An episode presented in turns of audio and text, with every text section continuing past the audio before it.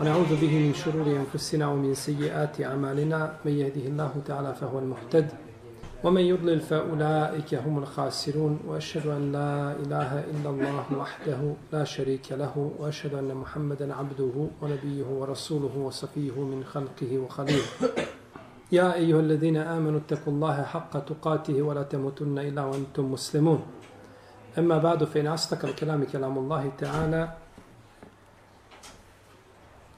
وخير الهدي هدي محمد صلى الله عليه وسلم وشر الأمور محدثاتها وكل محدثة بدعة وكل بدعة ضلالة. ثم أما بعد. باب ما جاء في حماية المصطفى صلى الله عليه وسلم جناب التوحيد وسده كل طريق يوصل إلى الشرك. Poglavlje u kome se navodi trud koga je uložio poslanik sallallahu alaihi wasallam čuvajući teuhid i zatvarajući sva vrata koja vode ka širku. Uzvišeni Allah te barake od Allah kaže u ajetu koga je spomenuo autor Lekad ja'ekum rasulun min enfusikum azizun alejhi ma anitum harisun alejkum bil mu'minina raufun rahim fa in tawallau fakul hasbi Allah la ilaha illa huwa alejhi tawakkeltu wa huwa rabbul aršil azim. Tako kaže stvoritelj Tebarak je otala na kraju sure koje? Ko zna? Teuba. Na kraju sure et Teube. Jest. Došao mi je poslanik min enfusikum od vas iz vašeg roda. Znate znači njegovo porijeklo. Ko je? Šta je? A po drugom kirajetu se čita min enfesikum. Došao je poslanik najbolji od vas. Nefase u arapskom se kaže nefis, da je nešto nefis, znači da je nešto vrijedno, skupocjeno. Pa je došao poslanik od najvrijednijih, najvrijedniji čovjek, znači iz tog roda, došao je Azizun alejhima anittum harisun alejkum bil mu'minina raufun rahim a njemu teško pada to što će vas nalaziti, to što ćete na muke udarati. Harisun alejkum brižan je prema mama, a prema vjernicima je milostiv. A ako se oni okrenu, pa reci Allahov poslaniće, dovoljan mi Allah, nema Boga osim njega, na njega se oslanjam i on je stvoritelj ili vlasnik a, Arša veličanstvenog.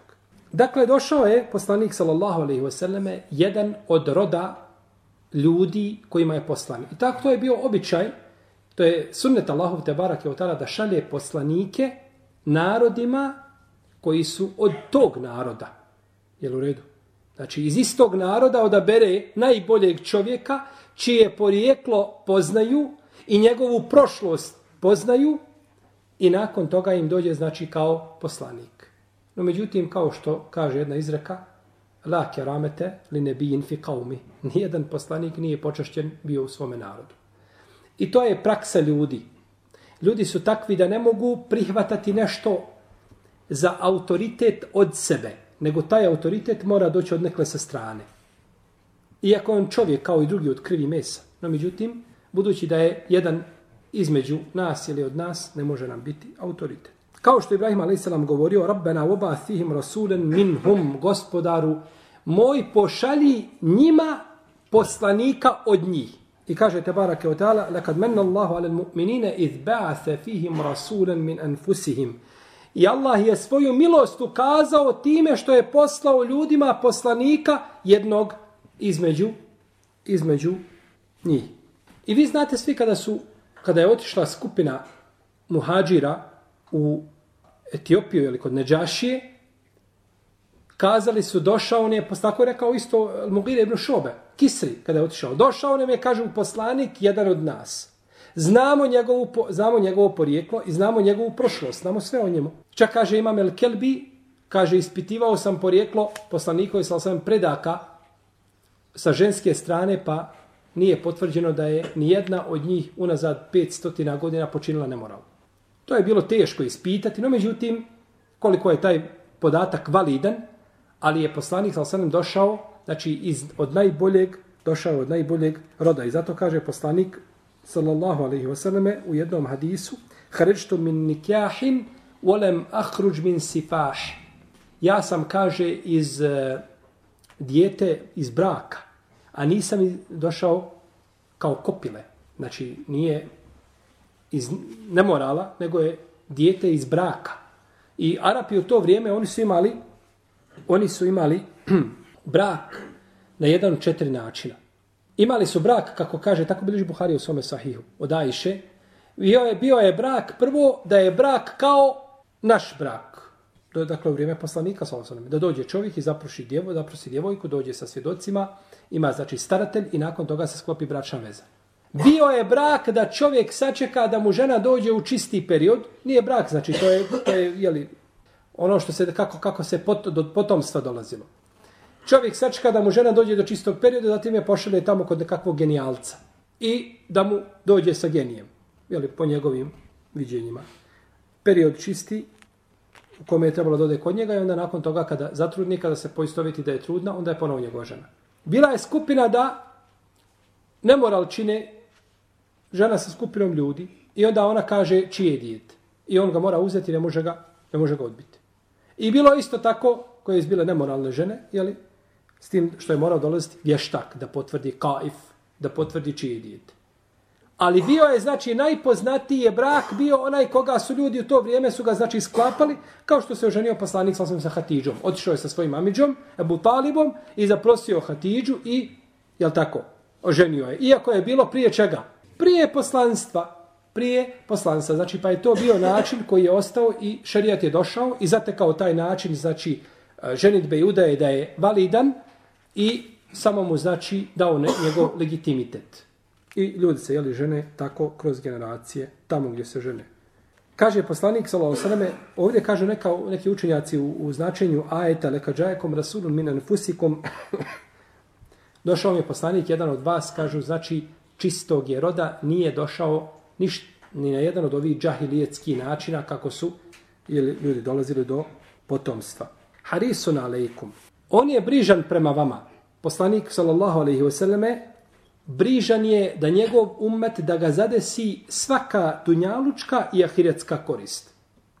Jer je poslanik sallallahu alejhi ve selleme dolazio znači u kako se navodi jeli, u hadisu, da bi kada bi bio vjetar uđe i iziđe, ne može, nije miran nikako. Bojao se za svoj umet.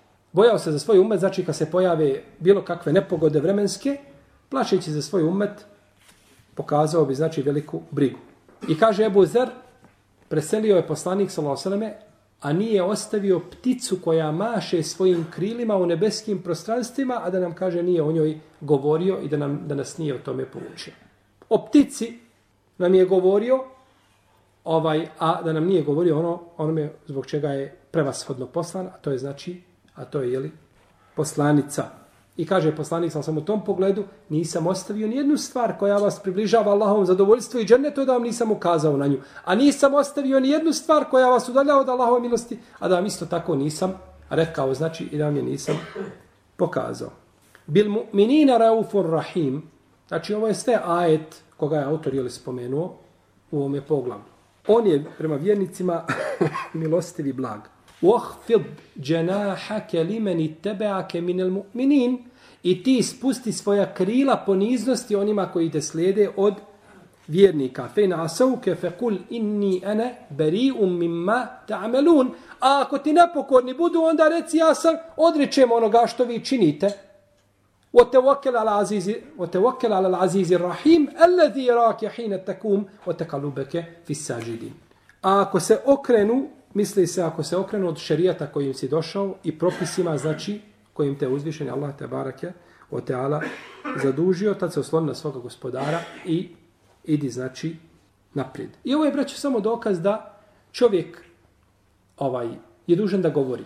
Uzvišeni Allah kaže za poslanika sallallahu alejhi ve selleme fezekir fa inne zek, e, fezekir, fe fa zikra tanfa al mu'minin. Opomeni a opomeni će koristiti vjernicima leste alejhim bi musajtir, kaže ti ni ne vladaš nad njima ti opomeni Muhammede a nakon toga ko će prihvatiti to je jeli u ruci stvoritelja Tebarake Oteala. pa je poslanik sa svem došao ovim osobinama opisan osobinama brižnosti i tegoba koja ga snalazi zato što će njegov umet na muke udariti A nema sumnje da ovim osobinama koje je opisan prva stvar za koju mora brinuti za tvoj umet je šta? Da se čuvaju čega? Širka. To ne osnovna, nema bitnije od toga. Ne možeš čovjeku muslimanu i nemuslimanu ukazati na veću opasnost sa zemljom širka. Jer ne postoji veći grije i ne, pas, ne postoji opasnija, opasnija stvar. I zato je poslanik sa osaname toliko posvetio znači brigu ovo je li ovoj stvari i uzvišen je Allah te barak u Kur'anu govoreći to ashabima i svim ljudima koji dolaze nakon toga. Pa možda će čovjek kazati dobro subhanallah o širku smo već puno govorili, spominjemo širk. Zašto toliko da govorimo o širku? Kažemo zato što oni koji su bili bolji od nas Njima su ti ajeti prevashodno objavljeni i nakon toga svakome ko dolazi, je li nakon njih. I poslanik, sal sada im je, znači, govorio i ukazivao, znači, na sve ono što e, zabranjuje, je li, puteve je zabranjivao sve koji vode, je li, koji vode ka širku, a od toga je, od osnovnih puteva jeste uzdizanje kaburova dobrih ljudi i, znači, pretjerivanje u tom, u tom pogledu. Kao što je zabranio namaz prema kaburu i namaz na kaburu, ili u redu, I zato jedna od velikih grešaka jeste što se kod nas, znači, kaburovi nalaze ovaj, znači, oko džamija. Pa vežu se, znači, na, namaz se veže za, s jedne strane za kaburove. Čak sam bio jedne prilike u prilici da sam zakasnio malo na džumu, pa sam došao, a kod nas u džamije sve nekako, ovaj, onako, ko, ko čapljino gnjezdo. Baš kako je rekao poslanik sa osaname. Ko napravi džamiju, ko čapljino gnjezdo, jel Allah će mu sagraditi kuću u džennet. Ovaj, i da sam bio prisiljen da, da, da dođem skoro do, do, do, do, do nišana jednog kabura da tu klanjam džumu. I onda moraš bježati odatle i gledati imali mjesta da, da se klanja, jer je džamija sve jednostavno opokoljena sa kaburovima, što je bez sumnje pogrešno.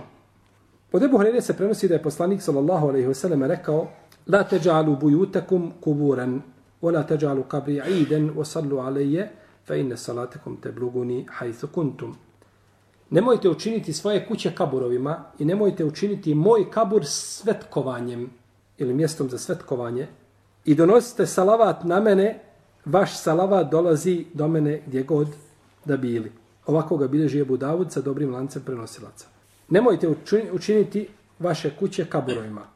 U ome hadisu ili ome dijelu hadisa je dokaz da čovjek znači, u svojoj kući treba učiniti da ima udio njegov namaz u njegovoj kući. Pored toga što klanja u džami i farzove, ako je klanja u džami, znači da u kući svojoj ima jedan udio znači za te namaze od učenja Kur'ana, znači od zikra, od dove, a ne kao što je jeli na kao što je sa kaburom. I u dva sahija se navodi od Ibn Omra da je poslanik sa osvrame rekao Iđalu min salatikum fi bujutikum vola tehiduha kubura. Kaže, učinite o svojih namaza u svojim kućama i nemojte uzimati za kaburove. A kod muslima se kaže, nemojte od svojih kuća praviti kaburove, jer šeitan bježi iz kuće u kojoj se uči sura Al-Bekare. Ovdje kaže, nemojte učiniti svoje kuće kaburovima, jer šeitan bježi iz kuće gdje se uči sura Al-Bekare. Ovaj hadis je vraćao jak argument da se na kaburovima ne uči Kur'an. Zato što poslanik sa osaname kaže, nemojte činiti svoje kuće šta? Mezarima, jer šeitan bježi iz kuće u kojoj se uči šta sura El Bekare. Znači da se na kaburu ne uči sura El Bekare. Onda protivno kakva je korist od poređenja, odnosno da se pravi ta razlika između kaburova i kuća. Pa nema znači na kaburu učenja Kur'ana, ovaj, jer ulema kada govori braće o dolasku, se vapa onome ko uči Kur'an nekome. Jer u redu, učiš Kur'an mrtvom. Ne govore na kaburu, ne govore u svojoj kući. Ti sjedneš i svome dedi učiš suru Jasin. ili učiš mu suru Ali Imran i tako dalje. Oni govore o tom da li dolaze mu dobra djela ne dolaze. A nikako ne govore o učenju Kur'ana na kaburu. Jer kabur znači nije mjesto za učenje Kur'ana. Kaže poslanik sa osrme, vaši salavati, odnosno ono što činite od salavata, na mene dolazi mi gdje god da bili. Zašto je ovo rečeno gdje god da bili? Bravo, da ne bi dolazili kod kabura i kod kabura svetkovali. Jer kaže poslanik sa nemojte uzimati moj kabur šta? Za svetkovanje. Mojte svetkovati kod moga kabura. Znači, gdje god da bio, donesi salavat i to dolazi do mene. Pa je na takav način poslanik sa osrme presjekao puteve koji vode do toga da ljudi dođu oko kabura i znači da donose tu samo salavate, a da ne govorimo onima koji dolaze i koji se ispovjedaju poslaniku sa osrme i koji nariču i tako dalje, sve što se ne dešava već pored, jeli, pored kabura. Vidio je Ali ibn al-Husein čovjeka koji ulazi kroz jedan zi, imao jedan otvor. Bio je u zidu, rupa jedna i on se provuče kroz tu rupu i uđe unutra tamo i čini dovu kod kabura poslanika. Pa mu je zabranio, kaže, pričao mi je moj babo od djeda. Misli na koga? Misli, misleći na poslanika sa osvijem, djeda, jeli? Ovaj, jeli Ali ibn Husein, on je unuk Alije radijallahu anhu. Kaže, pričao mi je od, od babe, od djeda, od Alije, od poslanika, sallallahu sallam, u pravu siru. Djeda misli se na, na, na ovaj, na, djeda se misli na Aliju. I od poslanika, sallallahu sallam, da je rekao, a, nemojte uzimati moj kabur za svetkovanje, niti vaše kuće za kaburove. Donosite salavat, jer on meni dolazi gdje god da bili. A imamo i predaju koja ima dobar lanac prenoslaca da uzvišeni Allah vrati dušu poslaniku sa osaname kada donese kada selami poslanika sam da mu vrati dušu i da mu uzvrati znači da taj selam. Tako da čovjek nema potrebe da dolazi znači striktno pored kabura da bi znači a, na takav način je li donio salavat ili selam na poslanika sallallahu alejhi Ali ibn Husein to je Zainul Abidin. To je od najboljih tabijina koji je vezan za porodicu poslanika sallallahu alejhi ve sellem. I zove se Zainul Abidin. Zainul Abidin. A kaže Zuhri nisam vidio Kurešiju boljeg od njega. Umro je 93. hiđarske godine kada je imao 56 godina. Njegov otac Husein, unuk poslanika, sam smije poznat, jeli, časni ashab, čije je mjesto ubista poslanik sam vidio u snu. Usnio je gdje će biti ubijen i na način kako će biti ubijen. Tako je došlo u, u jerodostojnom hadisu poslanika, sallallahu alaihi wa sallam. Vidio je kako ulazi ovaj čovjek u ovu špilju. U redu. Ulazi u zid i onda tu čini dovu prema kaburu poslanika, sallallahu alaihi wa sallam. Pa mu je, pa mu je zabranio. Jer ovo, ovo, znači, ovo, ovo znači odlazak direktno kod kabura. Znači ciljano odlazak do jednog jeli, kabura i da se okreće znači prema kaburu i da čini dovu što nije dozvolio niko od islamskih ili učenjaka jer se time uzme kaburu za svetkovanje. Čak kaže ima malik kada čovjek prolazi pored kabura poslanika sallallahu alejhi ve selleme u Medini, proći će samo prođe. Samo prođe, nazove selam i prođe. A ulema je složa da je zabranjeno krenuti se prema kaburu poslanika sa alejhi ve selleme činiti dovu. A razilaze se kada prolaziš i nazivaš selam.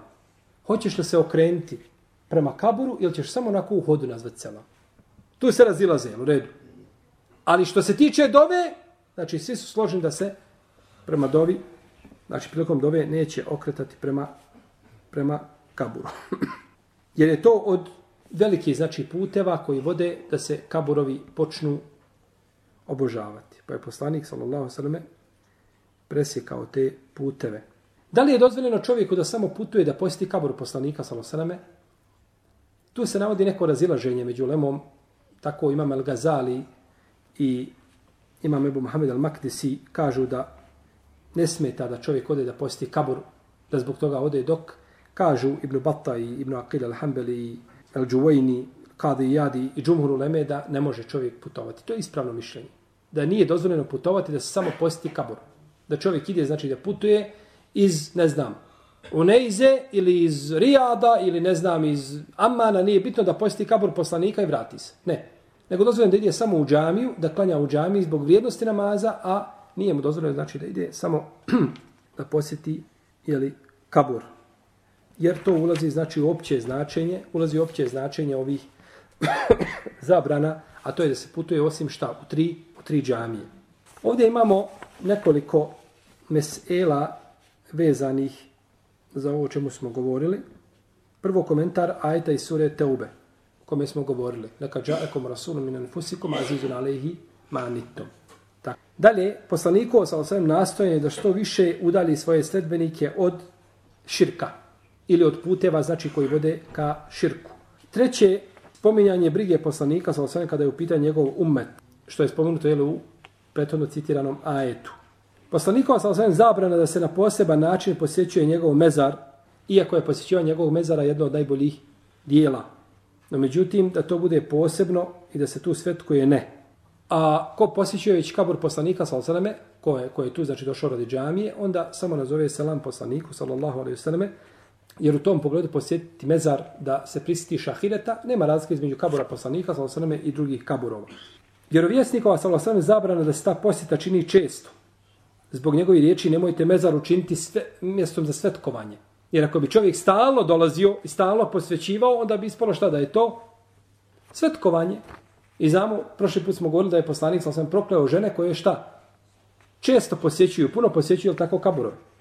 A poslanikov sa sam poticanje da se na file klanjaju kući, njegovim, jel, u njegovim riječima, nemojte učiniti vaše kuće mezarlu, mezarlucima. Jel? Ovdje ima dvojako značenje. Nemojte kuće učiniti mezarlucima. Šta znači to? Znači, nemojte ukupavati mrtve u kuće svoje, jel u redu? I nemojte, šta? Ne klanjati u kućama. Znači, jednom riječu je poslanik sam ukazao na dvije činjenice. To je znači da se ne ukopavaju mrtvi u kućam, jel to ne, čini se znači kaburom na takav način, a čini se i kaburom ako se šta u kućama ne klanja. Iako čovjek klanja u džami, pa šta mislite onda braće u kući gdje se nikako ne klanja? Nema ništa. Ni abdesta, ni namaza, ni tima, ni tima zikra. Poslanik sam kaže ovaj, ovaj ljudi koji, koji ustanu, a nisu spomenuli Allahovo ime iz jednog međlisa, i donijela salavat na poslanika, sa sveme kaže, taj će im biti propast, će im taj međus biti na sudnjem danu. Šta mislite onda gdje kuće prolaze dani i dani gdje se nigdje Allah ne spomene osim u pogrednom kontekstu? Jel u redu?